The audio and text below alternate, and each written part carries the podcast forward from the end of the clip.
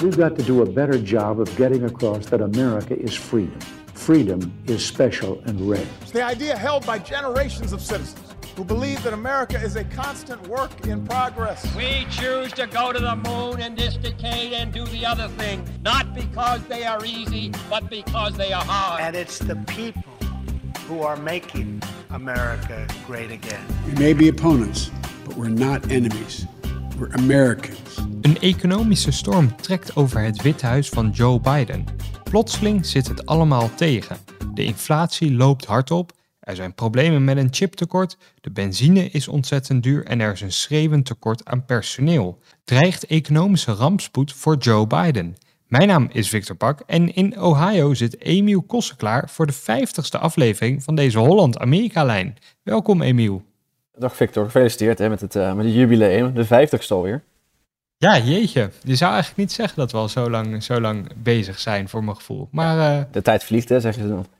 Ja, precies, ja. Je zit niet speciaal voor deze 50ste aflevering in Ohio. Maar het komt ons wel goed uit, hè, want jij ondervindt de economische ellende meteen aan den lijve daar. Ja, dat is eigenlijk een beetje een, een, een dagelijks ding nu. Uh, dat je ziet dat in, in winkels uh, uh, spullen zijn uitverkocht en, dat soort zaken. Maar inderdaad ook nu um, op reis probeer je dan een huurauto te, te vinden. En dat is heel moeilijk geworden um, eigenlijk sinds de coronacrisis is begonnen. Um, ja, een, een, een hele simpele kleine auto kost je zo nou, 150 dollar per dag. Omdat er zo'n omdat enorm tekort is. en jij hebt al gezien welke auto ik toevallig wel kon vinden op de kop kon tikken een, een, een, hele mooie witte Ford Mustang. En dat kan dan ook weer omdat het de enige auto was die het bedrijfje nog, uh, nog over had. Ja, ik ben enigszins jaloers op je. Volgens mij heb je maar weer een mooie mazzel. Maar typerend is, is het wel, die, die oplopende prijzen. Dat is natuurlijk de in, inflatie. Daar gaan we het later over, over hebben. Eerst gaan we alle problemen stap voor stap langs. Maar de, de eerste vraag die ik eigenlijk heb is dat, dat de e-, Amerikaanse economie toch juist goed draaide en goed uit die coronapandemie was gekomen. Hoe, hoe kan het dan nu zo mislopen? Ja, het gaat eigenlijk heel goed met die economie. Misschien ietsjes te goed. Um, inderdaad, nadat uh, ja, die eerste die, die lockdown-situatie echt zijn afgelopen, want dat is in de Verenigde Staten ook wel het geval, um, is die economie enorm aan het, uh, aan het opkomen en een beetje aan het oververhitten. Uh, mensen zitten op een hele hoop spaargeld dat ze kunnen uitgeven. Um, er zijn iets te weinig, uh, iets te weinig arbeiders. er zijn problemen met de distributieketen. Dus eigenlijk, ja, het, het gaat eigenlijk ietsjes te goed en daardoor komen er nu opeens allerlei problemen op een van die problemen, en daar maak jij nu letterlijk kennis mee, is het uh, chiptekort, uh, waardoor bijvoorbeeld vooral autofabrikanten hun fabrieken stil moeten leggen. En dat zorgt weer voor minder aanbod van nieuwe auto's. Dus de vraag naar tweedehands auto's en ook huurauto's, die natuurlijk tijdens de pandemie helemaal niet populair waren, die is opeens ja, torenhoog. Dat chiptekort dat, dat heeft tal van oorzaken. Zo is bijvoorbeeld eh, Texas was begin dit jaar ontzettend koud, waardoor een belangrijke fabriek stil kwam te liggen. En zo zijn er nog wat van die, van die incidenten geweest. Maar wat kan Biden daar precies aan doen om het te verhelpen? Nou, dat is eigenlijk heel lastig voor uh, een president om, om, om, om deze markt aan te pakken. Um, eigenlijk is dat, dat groeiend tekort uh, aan computerchips, dat, dat, dat, zagen experts al jaren aankomen. Um, omdat er steeds meer uh, producten zijn die die chips nodig hebben. Um, je had het over automakers, techbedrijven natuurlijk. Maar denk ook aan, aan wasmachines of, of stofzuigers. Steeds meer producten hebben van die chips nodig. maar door de coronacrisis, mede door de coronacrisis, ging de productie ervan juist omlaag. Um, nou ja, in Texas staat inderdaad uh, zo'n fabriek, maar uh, de meeste van die chips worden gemaakt in, in Taiwan. En um, ja, dat is niet zo makkelijk voor een Amerikaans president om even te zeggen uh, tegen, tegen een Taiwanese bedrijf: geef ons al die chips maar. zeker omdat daar natuurlijk ook geopolitieke ja, invloeden spelen met, met de rivaliteit met China. Is het dan opvallend dat eigenlijk de afgelopen weken Biden Taiwan iets, iets uh, dichter bij de borst houdt, zoals je het wel kan, kan zeggen? Hij heeft zelfs uitgesproken dat Amerika absoluut tot de verdediging van Taiwan zal komen, mocht China het een keer aanvallen. Is, is, speelt dat mee hier op de achtergrond? Nou, dat weet ik niet zo goed. Um, waar Biden het in elk geval openbaar over heeft, als het gaat om die, uh, om die chip. Uh, om die chipcrisis, het chiptekort. Um, ja, dan gaat het om meer eigen fabrieken bouwen, om, om, ja, om die groeiende vraag aan te kunnen. Maar ja, dat kost tijd, dat kost heel veel tijd, dat kost heel veel geld. En um, ja, voordat die fabrieken een keer zijn, Um, ben je toch zo een paar jaar verder. Dat denken de techbazen ook van IBM en Intel. Die zeggen, nou ja, het duurt nog wel zo'n twee jaar voordat dit tekort eindelijk een beetje uh, ten einde kan komen. Dit is dus echt een, een probleem waar Biden niet zoveel aan kan doen. En ook het niet zo heel snel kan, uh, kan oplossen in die zin. Dat is ook een probleem waar we dezelfde gevolgen van zien in Europa. Waar, um, ja, ja, waar je ook een tekort aan auto's gaat, uh, gaat zien. Ja, uh, Europese autobouwers worstelen er ook onder, onder meer mee. En ook de Europese Unie heeft wel plannen om zelf meer chips te, te produceren. Maar ja, zo, zoals dat uh, vaak gaat in, in vergelijking tussen de Verenigde Staten en de Europese Unie, kan, kan Amerika toch zijn problemen iets, iets voortvarender aanpakken.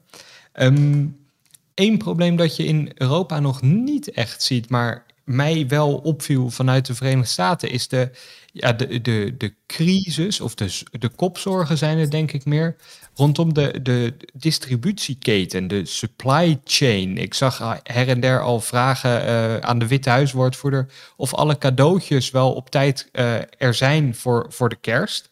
In Nederland spelen die vragen nog niet echt, terwijl Sinterklaas toch echt eerder is dan de kerstman. Wat is daar aan de hand?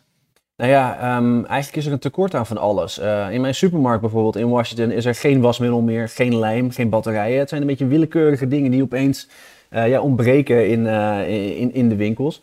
Um, die problemen zijn er door het hele land. en overal zijn het dan weer andere dingen die, waar een tekort aan is. En dat komt uiteindelijk inderdaad door problemen met de distributieketen. Opeens is global supply chain een heel hip woord geworden waar iedereen het over heeft. Um, ja, het komt er dus op neer dat de producten misschien wel worden gemaakt ergens, waarschijnlijk in een ander land dan Amerika, maar dat ze uiteindelijk niet aankomen op de plek uh, waar ze nodig zijn. Er was een, een beeld van de, de haven van Los Angeles, waar echt tientallen schepen liggen te wachten om te laden en lossen. Dus gewoon een, een hele opstopping eigenlijk. Ja, dat is een van de een beetje de symbolische uh, momenten in die global supply chain crisis. Um, dat er inderdaad overal uh, bij de haven van Los Angeles allemaal boten uh, liggen te wachten. Die hebben dus wel producten, maar die kunnen niet van die producten af. Um, ja, omdat er een tekort aan havenwerkers is. Um, dat is maar één van de, van de problemen hoor. er is ook een groot tekort aan, aan vrachtwagenchauffeurs. De, de, vrachttreinen hebben een tekort aan personeel. Dus je kan allerlei, uh, allerlei redenen aanwijzen daar. En natuurlijk komt dit ook weer terug op, op COVID. Want heel veel producten die de Amerikanen willen, komen uit andere landen. En um, ja, een bottleneck is natuurlijk dat heel veel fabrieken dicht zijn gegaan, uh, dik een jaar geleden. En dat je daar nu nog van, wat van de gevolgen van ziet. Net als met de chips is het dus weer een, een probleem dat heel veel samenhang heeft, ook met andere landen. Hoe spreekt Biden over die supply chain crisis? Ja, in eerste instantie probeerde de regering het een beetje um, um, te bagatelliseren. Um, net, net als met inflatie eigenlijk. Uh, er wordt gedaan alsof het allemaal uh, heel kortstondig is. alsof het eh, van zichzelf, uit zichzelf weer weggaat. En dat is misschien ook wel zo, maar het probleem is dat het niet kortstondig is. nu gaat het dus al over ja, of, of, of de kerstcadeautjes op tijd binnen zijn. Um, daarvan probeert de regering nu te zeggen uh, een beetje de verwachtingen te temperen. Van ja, waarschijnlijk klopt het dat heel veel cadeaus, heel veel PlayStation 5's nog niet verkrijgbaar zijn. Maar um, ja, dat kan zo nog maar eens een jaar duren, misschien nog wel langer. En um, het Witte Huis probeert dat zo te spinnen dat, het, ja, dat, het, dat die impact van dat nieuws, dat er misschien wel een paar jaar lang een tekort is aan allerlei dingen, dat die impact iets wordt gedempt. De Biden-regering spint de problemen liever weg. Een voorbeeld daarvan is uh, transportminister Pete Buttigieg op tv-zender CNN. Laten we even luisteren.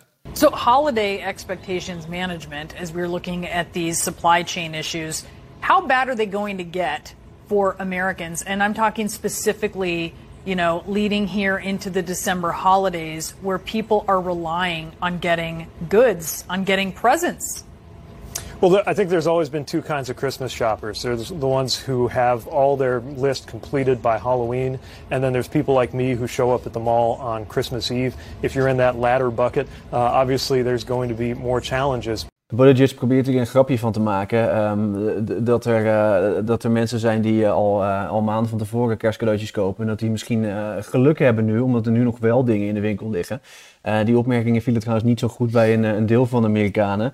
Ehm, want ja, dit is een thema. Amerikanen willen spullen kopen. Dat hebben we ook gezien na de coronapandemie. is, zijn de, de, de aankopen enorm gestegen. Die liggen nu eh 14% hoger dan in het jaar voor corona. Ehm, ja, en zo'n opmerking van Piet eh Buttigieg valt dus niet echt goed dat er misschien met kerst eh, eh, niet genoeg producten in de winkel liggen. Dat het grapje van Buttigieg niet echt in goede aarde valt, kan ik wel begrijpen. Als persoon die ook altijd last minute al zijn cadeaus ergens vandaan moet toveren. Kan Biden hier nog verder iets aan doen, behalve een beetje spinnen? Ja, hij probeert ook een beetje een positieve draai te geven aan die campagne. Eh, ehm, hij was pas in, eh, bij de haven van Los Angeles, de grootste haven, eh, de doorvoerhaven van de Verenigde Staten. Heel veel producten komen daar aan en moeten dan dus eh, door de rest van het land worden verspreid. Ehm, dat, komt dat is naar aanleiding van die foto's, van die beelden, van al die schepen die daar liggen te wachten. Ehm, Biden kwam daar aan met heel veel fanfare, zei dat de haven vanaf nu 24-7 open zal zijn. En dat ook bedrijven als, als FedEx, de postbezorgers, meer hun- hun best gaan doen.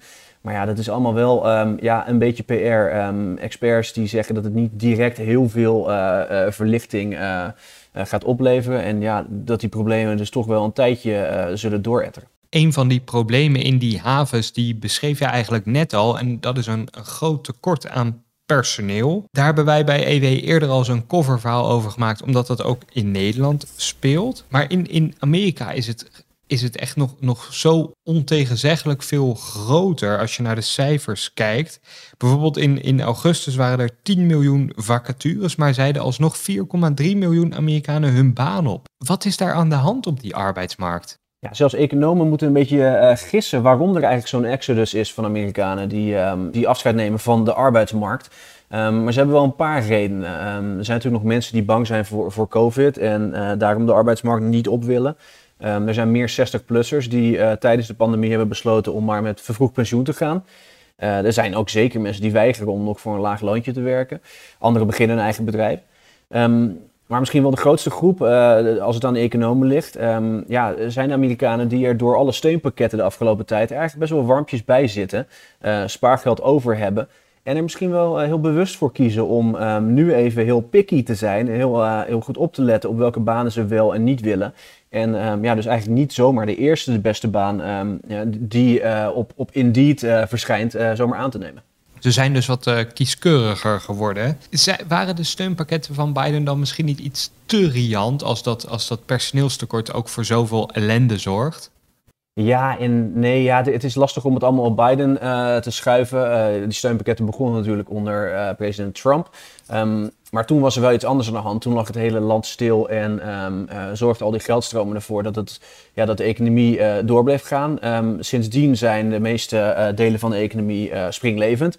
En eh, is dat, al dat geld misschien niet zo nodig? Nu dus weer ehm eh 1, zoveel eh, trillion in die economie gepompt. Ehm, dat komt ten dele terecht bij de gewone Amerikanen. En die kunnen nu dus nu een beetje de kat uit de boom kijken wat betreft werk. Ja, het, het, heeft niet geholpen, maar het is wel onderdeel van Bidens langetermijnplan om, om, om een beetje meer macht te geven. meer spending power, maar ook meer onderhandelingspower power aan de Amerikaanse arbeidersklasse. Die heeft nu gewoon een betere concurrentiepositie. Is dit dan iets dat Biden eigenlijk wel als een probleem ziet? Of is hij daar eigenlijk wel blij mee? Want de Democratische Partij is natuurlijk de partij van de arbeider, ook van de vakbond. En die staan nu een stuk steviger. Ja, nee, er zitten wel politieke haken en ogen aan natuurlijk. Want eh, ja, door dat tekort aan arbeiders is het ook eh, nu bijvoorbeeld vrij lastig om een restaurant in te lopen en snel te worden eh, bediend. Daar hangen overal bordjes in, in Washington bijvoorbeeld, waar je al van tevoren wordt verteld, ja, het duurt waarschijnlijk een half uur voordat je überhaupt een, een, een ober bij langskomt, omdat er bijna niemand wil werken bij ons. Dus eh, er zitten wel haken en ogen aan, maar het klopt wel, de democraten die willen natuurlijk eigenlijk dat ehm, ja, die economische verschillen tussen arm en rijk worden overbrugd. En een eerste stap daarbij is eh, om, om arme Amerikanen, um, armere Amerikanen, eh, ja, een, een, een beetje een, een, een kusje te geven, zodat zij inderdaad eh, in een betere positie eh, weer op de arbeidsmarkt kunnen komen. En dat zien we dus nu ook gebeuren, Ehm, want de lonen zijn flink gestegen de afgelopen maanden, het afgelopen jaar al helemaal. Ehm, want ja, een krapte op de arbeidsmarkt, dat betekent hogere prijzen. En in dit geval hogere prijs op salaris. Ehm, en dat ligt opeens boven de 15 dollar per uur gemiddeld. En um, ja, jij herinnert je nog wel, we hebben een podcast gemaakt over um, een beetje de progressieve droom hè, van 15 dollar per uur als minimumloon. dat is de politiek niet gelukt. Maar ja, nu dus uiteindelijk met een omweg uh, wel. Eén groot nadeel alleen bij die hogere lonen is natuurlijk ook dat de inflatie ontzettend is gestegen. Dat, dat zeiden we al aan het begin. Die staat nu op het, op het hoogste niveau in, in 40 jaar tijd. Hoe problematisch is dat? Ja, het zit allemaal eh, heel erg aan elkaar verweven, dat hoor je wel. Uh, aan de ene kant is het dus fijn dat die lonen omhoog uh, zijn gegaan voor, voor veel van de, laten we zeggen, de arbeidersklasse in Amerika. Aan de andere kant worden die hogere loonkosten natuurlijk ten dele doorberekend uh, naar de consument. Um, nou ja, pak daarbij ook al die andere dingen waar we het over hebben gehad. Uh, de distributieketencrisis, uh, tekort aan, aan, chip, aan chips. En dan zie je dat sommige producten opeens heel erg duur aan het worden zijn. Um, ik heb een lijstje hier voor me. Uh, dat gaat om uh, september 2021 en dan wordt er vergeleken met het jaar daarvoor. Um, ja, huurauto's 43% duurder geworden. Benzine 42%. Um, tweedehands auto's 24% duurder. Maar ook iets als bacon, heel Amerikaans en heel belangrijk voor veel mensen, uh, is gewoon 20% duurder geworden in een jaar tijd. Um, ja, eh, dat zorgt voor problemen, uh, want dat voelen mensen echt. Uh, in peilingen um, is inflatie opeens het, uh, het belangrijkste politieke thema in, um, in de ogen van Amerikanen. En ja, zij kunnen eigenlijk maar één iemand de schuld geven. Of het nou helemaal zijn schuld is of niet. Maar op dit soort punten kijken Amerikanen gewoon naar hun president. En dat is in dit geval Joe Biden. Ja, en terecht natuurlijk, want een hamburger zonder bacon, dat, dat kan gewoon niet. Al helemaal niet in, in de Verenigde Staten. Nee, dat is niks. En, en, en hamburgers zijn ook 18% duurder geworden. Er zit het nog eens extra tegen. Um, jij hebt in die zin heb je het ook, ook niet echt getroffen. Want dan heb je wel zo'n mooie Ford Mustang. Maar ja, als de benzine ook zo, zo, zo gestegen is. Ja, dat is, dat is dubbel verliezen. Want die Mustang die, uh, die zuipt natuurlijk als een malle. Ja, precies. En Biden krijgt van al deze dingen dus, dus de schuld. Zijn cijfers die het Amerikaanse publiek hem geeft, die zijn ontzettend uh, gedaald dat moet ze daar in het Witte Huis denk ik wel grote zorgen baren. Want ja, over een jaar gaan de Amerikanen opnieuw naar de stembus. En nu hebben de Democraten nog alle macht in handen in Washington DC. Het Witte Huis, het congres volledig, Senaat en Huis van Afgevaardigden. Ja, je hebt nog een jaar te gaan om het, om het in te dammen. Hebben ze daar een soort strijdplan voor? Nou, dat is heel lastig. Um, het langetermijnbeleid is eigenlijk al uitgestippeld. Uh, dat was uh, dat enorme steunpakket uh, aan het begin van dit jaar. En dat is een, een nieuw steunpakket waarover we nog steeds aan het onderhandelen zijn in Washington. Um, daardoor komen dus nog meer geldstromen op gang, waardoor een deel van de Amerikanen hulp krijgt van de overheid. Maar um, ja, wat het precies doet met die andere factoren waar we het over hebben gehad, van inflatie tot, tot de tot de supply chain, uh, ja, dat is een beetje afwachten. En um, qua PR schiet het er nu allemaal niet zo goed uit. Op een lange termijn, als je over een paar jaar gaat kijken, het kan het best zijn dat het beleid van Biden allerlei voordelen heeft. Maar op dit moment zien de mensen vooral inflatie en ja, allerlei tekorten. Um, dus als je dan kijkt naar de politieke gevolgen over een jaar, de midterms, uh, ja, dat ziet er niet best uit voor de Democraten op dit moment in de peilingen. Lijkt het alsof de Republikeinen um, ja, vrij gemakkelijk het Huis van Afgevaardigden uh, de macht daar weer gaan overnemen. En als dat gebeurt, dan kan Biden de rest van zijn agenda vaarwel zeggen. Dus dat is, heel, het is een hele netelige, netelige situatie voor, voor het Witte Huis geen prettige positie voor de president. Maar ik vroeg mij tenslotte wel af. Jij zei dat ze bezig zijn aan nieuwe wetsvoorstellen, de Democraten. Want nu hebben ze natuurlijk nog alle macht in handen. En dat zijn echt peperdure voorstellen die ze gaan doen, die heel veel extra geld de economie inpompen. Denken ze nou ook niet dat ze misschien iets uh, zuiniger aan kunnen doen? Ja, er zijn een paar stemmen in uh, de Washingtonse politiek die daarop uh, op aandringen. Dan heb je het vooral over senator Joe Manchin, die uh, vaak in het midden staat van al deze onderhandelingen als meest gematigde democraat. Um, die zegt, pas op jongens, nog eens duizenden miljarden die economie inpompen. Dat gaat alleen maar voor inflatie zorgen. Um, hij is wel een minderheid stem hoor, wat dat betreft. Um, de meeste democraten die, die kijken vooral naar het politieke element. je hebt een jaar Ehm, eigenlijk tot aan het einde van dit jaar om, uh, om, om dat uh, pakket er doorheen te, te jagen. Als het dat niet lukt, uh, dan komen de, de tussentijdse verkiezingen eigenlijk weer er, er, eraan. En dan heeft Biden eigenlijk helemaal niks om trots op te zijn. Dus het lijkt erop de Democraten, ja, die gaan die gewoon nemen hoor. Een enorm steunpakket. Um, en dan maar hopen dat mensen de positieve onderdelen ervan zien. En ja, niet dat de inflatie er, erdoor verder wordt aangewakkerd. Genoeg zorgen voor de president, maar weinig oplossingen. Wij gaan verder met de Holland-Amerika-lijn in gesprek met Koen Petersen over John Adams. Hi, Barack Hussein Obama. Hi, George Herbert Walker Bush. William Jefferson Clinton do solemnly swear. De presidenten van Petersen. So help me God. Hakoen, fijn dat je er weer bent in de 50ste Holland-Amerika-lijn deze keer. Wij gaan het hebben over John Adams. En voor hij president werd, was hij ambassadeur in de toenmalige Republiek der Zeven Verenigde Nederlanden. Hoe was zijn band met Nederland? John Adams was de tweede president van de Verenigde Staten. En hij had een bijzondere band met Nederland. Hij was een van de founding fathers van de Amerikaanse Republiek. Hij had meegeschreven aan de onafhankelijkheidsverklaring, meegediscussieerd op die beroemde conventie in Philadelphia over de nieuwe Amerikaanse grondwet, maar woonde ook een tijd in Amsterdam en Den Haag. En wat deed hij hier? Hij was hier om steun te zoeken voor de jonge Verenigde Staten, politieke steun, financiële steun, om die onafhankelijkheidsstrijd tegen Engeland te kunnen winnen. Een bijzondere mijlpaal voor hem was dat de Verenigde Staten ook door de Staten-Generaal van Nederland werden erkend. En daarmee kon hij ook echt formeel ambassadeur worden. En hij was de eerste ambassadeur in Nederland en ook de eerste ambassadeur die van de Verenigde Staten ergens dan ook een eigen ambassade kon betrekken. Nadat het verdrag van Parijs was ondertekend tussen Engeland en de Verenigde Staten, waarmee de Verenigde Staten ook door Engeland, de voormalige kolonisator, werden erkend, mocht Adams ook ambassadeur in Londen worden. Dat was hij vanaf 1783. Dus hij had een dubbelfunctie en die tijd bracht hij eigenlijk grotendeels in Engeland door. Um, maar uiteindelijk zou hij doorgroeien naar de positie van vicepresident, de eerste vicepresident van de Verenigde Staten, onder de vader des vaderlands George Washington. En hij zou Washington ook opvolgen en daarmee de tweede president worden van de Verenigde Staten.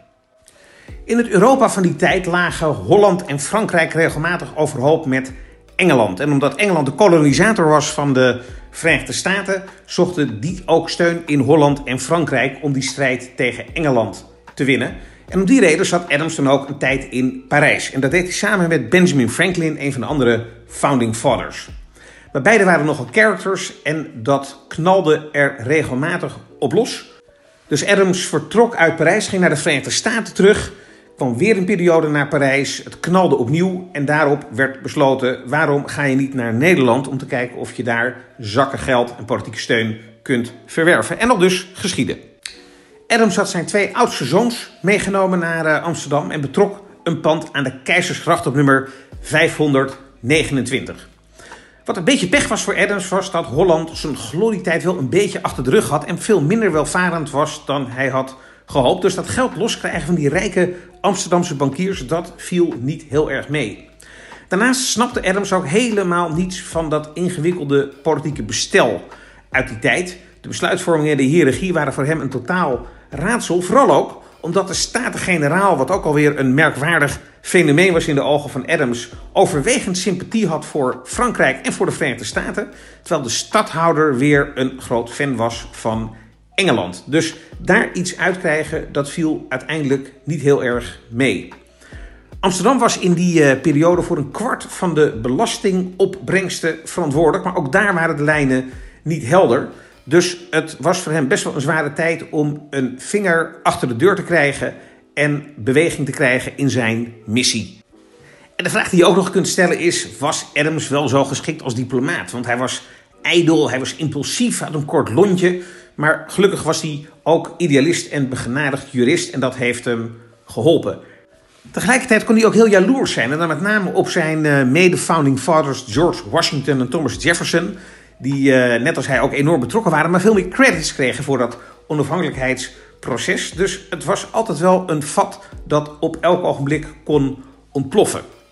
Daarnaast beleefde hij ook helemaal geen plezier aan het afhankelijk zijn van anderen en aan het uh, moeten bedelen om iets voor elkaar te krijgen. Dus uh, Adams zal in die periode ongetwijfeld een vrij zware tijd hebben gehad. Maar gelukkig keerde in Amerika het tij. In 1781 wonnen de onafhankelijkheidsstrijders de slag bij Yorktown. De Engelsen werden verslagen, gaven de strijd op. En dat veranderde het geopolitieke spel. Want opeens wilde Nederland de Verenigde Staten snel erkennen, omdat het als een enorm belangrijke potentiële handelspartner werd gezien. Nou, die erkenning gebeurde ook in 1782 door de Staten-Generaal. Adams mocht daar ook zijn geloofsbrieven aan bieden. En vervolgens was hij Amerikaans ambassadeur van een land dat ook werd erkend. En het leuke is dat Adams zich zijn leven lang op dat wapenfeit heeft willen beroepen. Ook in brieven die hij op hoge leeftijd uh, schreef, schreef hij met warme gevoelens over zijn tijd in uh, Nederland. En uh, dat is misschien ook nog ingegeven door de rondreis die hij samen maakte met zijn vrouw in 1786. Toen hij al ook ambassadeur in Londen was en daar de meeste tijd doorbracht. Maar toch nog langs Delft is gegaan. Het graf van Willem van Oranje heeft bezocht. In Zaandam het Tsaar-Peterhuisje heeft bezocht. Naar Gouda ging, naar Leiden ging waar zijn zoons hadden gestudeerd. Dus in dat opzicht was het wel ook een soort van sentimental journey die hem zijn leven lang is bijgebleven. Adams zou niet meer terugkeren naar uh, Europa. Daarna hij werd vicepresident en hij werd president. En daarna werd hij elder statesman in zijn geboortedorp Braintree in Massachusetts, vlakbij uh, Londen. En daar uh, heeft hij ook in zijn briefwisseling nog steeds getuigd van een grote sympathie en warme herinneringen aan ons land. Wat bijzonder is, is dat zijn zoon, John Quincy Adams, die ook met hem mee was in die Amsterdamse periode en in Leiden had gestudeerd, uiteindelijk ook ambassadeur in Nederland zou uh, worden. En daarmee ook bijna die familietraditie zou voortzetten. En ook later zou John Quincy Adams in de voetsporen van zijn vader treden als president van de Verenigde Staten. John Adams was de tweede, John Quincy was de zesde. En in dat opzicht heeft Adams ook wel de basis gelegd voor een belangrijke Amerikaanse politieke dynastie. In ieder geval aan het eind van de 18e en het begin van de 19e eeuw. Hoe verliep zijn presidentschap? Het presidentschap van eh, John Adams was uh, ja, toch wel een beetje moeizaam, om het zo maar uh, te zeggen. Ook voor hem. Op de eerste plaats moest hij opereren in een politiek toch nog wel spannende omgeving. Washington, zijn voorganger, de bewierde ook de president. ja, als je die opvolgt, doe je het nooit zo goed bijna. Die was na twee periodes van vier jaar vrijwillig teruggetreden en zette daar ook een trend mee in, in gang. Um, en Adams was de gezichtsbepalende politicus van de Federalisten. Dat was de politieke groepering, niet echt nog een partij. Die waren voor een wat sterkere centrale overheid. En tegenover had je de Democratische Republikeinen. Thomas Jefferson, een andere founding father, was daar weer het gezicht van. En die waren vooral voor macht aan de staten. Dus met alle nieuwe regelingen die moesten worden bekeken, was dat een belangrijke filosofische splijtswam in dat politieke spectrum. Maar daarnaast had Adams ook nog binnen die federalisten gedoe. Want Alexander Hamilton, de eerste minister van Financiën, was veel meer dan Adams een voorstander van een sterke federale overheid. Adams wilde ook als president boven die partijen staan. Hij wilde net als Washington eigenlijk een rechter zijn en niet meer een politicus. Maar Hamilton was permanent bezig met het zagen aan de stoelpoten van Adams. En dat maakte ook zijn politieke thuisbasis een stuk minder stevig dan hij graag had gezien. En ook op het internationale toneel kwam het Adams niet bepaald aanwaaien. Want Engeland en Frankrijk, twee belangrijke spelers op het wereldtoneel, die waren weer eens voor de zoveelste keer met elkaar in conflict. En de jonge Verenigde Staten moesten diplomatiek manoeuvreren in een poging beide landen te vrede te houden. En dat lukte niet. De Fransen verweten de Amerikanen dat ze veel te veel tegen de Engelsen aanschurkten. En uh, ook de diplomatieke relatie met de Verenigde Staten op. En dat kwam natuurlijk als een enorme schok te meer, daar de Fransen ook op zee Amerikaanse schepen enterden en in beslag namen. Adams die, uh, stuurde een diplomatieke missie naar uh, Parijs om te kijken of hij dat kon, kon oplossen. De Fransen zeiden: Je mag alleen maar met ons in gesprekken als je ons smeergeld geeft. Dat wilde Amerika weer niet. En toen die affaire in Amerika ook het daglicht zag in de publiciteit, waren de rapen gaar. En uh, stond Frankrijk er heel erg slecht voor. En dat maakte het ook niet makkelijk om die relatie tussen Frankrijk en Engeland te verbeteren. En daar zit dus een hele merkwaardige wending in die 15 jaar na die onafhankelijkheidserkenning, ook door, uh, door Engeland. dat voor die tijd die onafhankelijkheid met hulp van onder meer Frankrijk werd gerealiseerd. En uiteindelijk de band tussen Engeland en de Verenigde Staten heel sterk zou worden tegen Frankrijk na zo'n korte periode. Uiteindelijk is het wel weer uh, goed gekomen, maar bizar was het natuurlijk wel. En dit alles leidde tot een derde punt waar het presidentschap van Adams bekend is geworden. En dat is de Alien and Sedition Acts. En dat zijn wetten die erop gericht waren om immigranten buiten te houden en buitenlanders te deporteren. Toch ook wel heel bijzonder in die tijd, maar Adams was zo ongelooflijk bang dat er te veel spionnen op het vasteland zouden komen en andere mensen die namens andere mogendheden kwaad in de zin hadden, dat dat de stabiliteit van Amerika en de rol die zij kunnen spelen op het internationale toneel uh, zouden ondermijnen. Die wetten werden aangenomen, die werden eigenlijk als heel erg haaks gezien op het Amerikaanse vrijheidsideaal. Maar ze werden wel aangenomen en elementen daarvan, bijvoorbeeld dat je 14 jaar in de Verenigde Staten moet hebben gewoond voordat je met de presidentsverkiezingen je stem mag uitbrengen, die zijn nog steeds van toepassing. Nou ja, toen de verkiezingen van 1800 eraan kwamen, waarbij Adams een tweede termijn wilde winnen, toen lagen zijn kaarten niet al te stevig op tafel. En dat betekende uiteindelijk ook dat hij die verkiezingen niet zou winnen. Zijn grote politieke rivaal Thomas Jefferson ging er met de buit vandoor. En die kon dan ook in maart 1881, de toenmalige datum van de inauguratie van de nieuwe president, uh, het Witte Huis betrekken. En dat was misschien nog wel heel erg zuur ook voor Adams. Want Adams had nog maar een paar maanden daarvoor, op 1 november 1800, de sleutel van het Witte Huis gekregen. Omdat het Witte Huis tijdens het presidentschap van Washington, maar ook nog tijdens het presidentschap van Adams in aanbouw was. En de bouwlui waren net weg uit de belangrijkste vertrekken.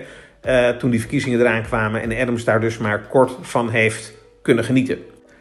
En dat is meteen een bruggetje naar een tweede pijnlijk element voor Adams aan die verkiezingen. Niet alleen dat hij verloor, maar dat hij ook de eerste zittende president was die de Amerikaanse presidentsverkiezingen verloor. En daarmee zou hij ook de geschiedenis ingaan als de eerste one-termer, de eerste president die niet voor een tweede termijn werd herkozen. En dat is eigenlijk, zou je kunnen zeggen, een passende afsluiting van zijn vier jaar in het presidentschap, een paar maanden in het Witte Huis. Adams ontwikkelde een heel grote rivaliteit met een andere belangrijke persoon in de Amerikaanse geschiedenis, namelijk mede-founding father Thomas Jefferson. Hoe kwam dat? Ja, als twee founding fathers toch ook wel regelmatig met elkaar overhoop hebben gelegen, dan zijn het wel Thomas Jefferson en John Adams.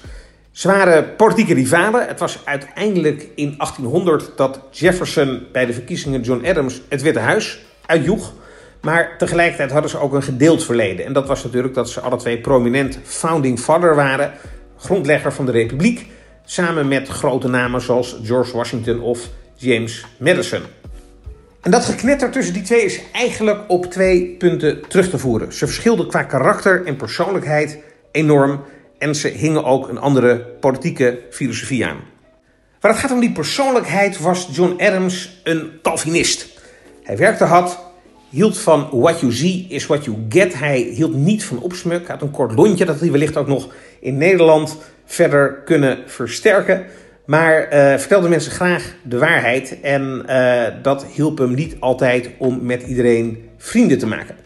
En daarom kreeg hij ook soms niet alles voor elkaar wat hij graag voor elkaar had willen krijgen. En daartegenover stond Jefferson, een ijdele, stijlvolle man. Iemand die altijd de juiste dingen wist te zeggen op het juiste moment, die van mooie spullen hield. Uh, hij werd ook als diplomaat zeer gewaardeerd. Het was, zo zeiden tijdgenoten, een inbreker die zonder vingerafdrukken te werk ging.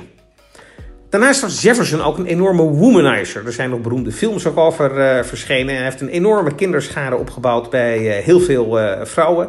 Terwijl Adams heel gelukkig getrouwd was met Abigail, de dochter van de dominee uit het dorp waar hij vandaan was gekomen. Maar die verschillen voeden dus wel dat Adams jaloers was op Jefferson. Thomas Jefferson wordt nog steeds gezien als de schrijver van de onafhankelijkheidsverklaring. En er staat ook een prachtig monument, heel prominent, van Jefferson in Washington, dat je vanuit het Witte Huis ook nog kunt zien. Maar Adams heeft ook een rol hierin gehad en die voelde zich miskend dat hij in de hele beeldvorming daar nooit mee werd geassocieerd. Hij beschuldigde Jefferson er ook wel van dat hij aan het pronken was met andermans veren. En zelfs als je het helemaal met elkaar eens bent, kan dat tot spanning leiden. Maar als je ook nog eens op een andere manier naar de politiek kijkt en hoe de Verenigde Staten moeten worden ingericht, dan kan dat juist extra olie op het vuur gooien. En dat gebeurde dan ook.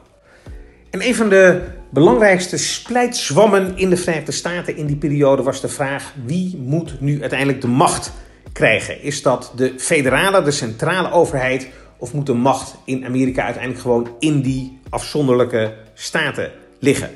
En het was een extra gevoelig puntje, omdat de Verenigde Staten zich hadden losgevochten van Engeland. Koning George III werd ook echt als een soort van dictator gezien in die hele retoriek in die periode. En niet veel mensen hadden er heel veel behoefte aan om de ene dictator door een andere te laten vervangen. Maar ja, tegelijkertijd was het ook wel van belang als je die nieuwe republiek wilde ontwikkelen, dat je ook van die totaalcapaciteit gebruik zou maken. En dat vroeg weer om een federale rol. Nou ja, dat was het dominante punt in dat debat. En daar stonden de heren lijnrecht tegenover elkaar. Adams was voorstander van een forse centrale regering, zeker naar de normen van die tijd. Jefferson wilde voornamelijk de macht in de Staten hebben. En toen Jefferson vicepresident was onder Adams, en dat was omdat hij de tweede was geworden bij de presidentsverkiezingen, en in die tijd werd hij dan vicepresident, dus je was vaak ook de rivaal van de persoon in het Witte Huis uiteindelijk. Uh, heeft hij ook geprobeerd om Adams op alle mogelijke manieren te ondermijnen. En ook tijdens de campagne van 1800 heeft Jefferson en uh, zijn uh, campagneploeg ook karaktermoord willen plegen op John Adams. En omdat ze ook zo'n lange tijd hadden samengewerkt, met name in Europa, om die steun te krijgen voor de onafhankelijkheidsstrijd, werd dat door de explosieve John Adams als verraad gezien. En die was ook zeer woest dat hij nota bene door Jefferson verslagen werd. En toen Jefferson werd geïnaugureerd in maart 1801, bedankte John Adams voor de eer. En net als Donald Trump koos hij ervoor om de inauguratie van zijn opvolger niet bij te wonen.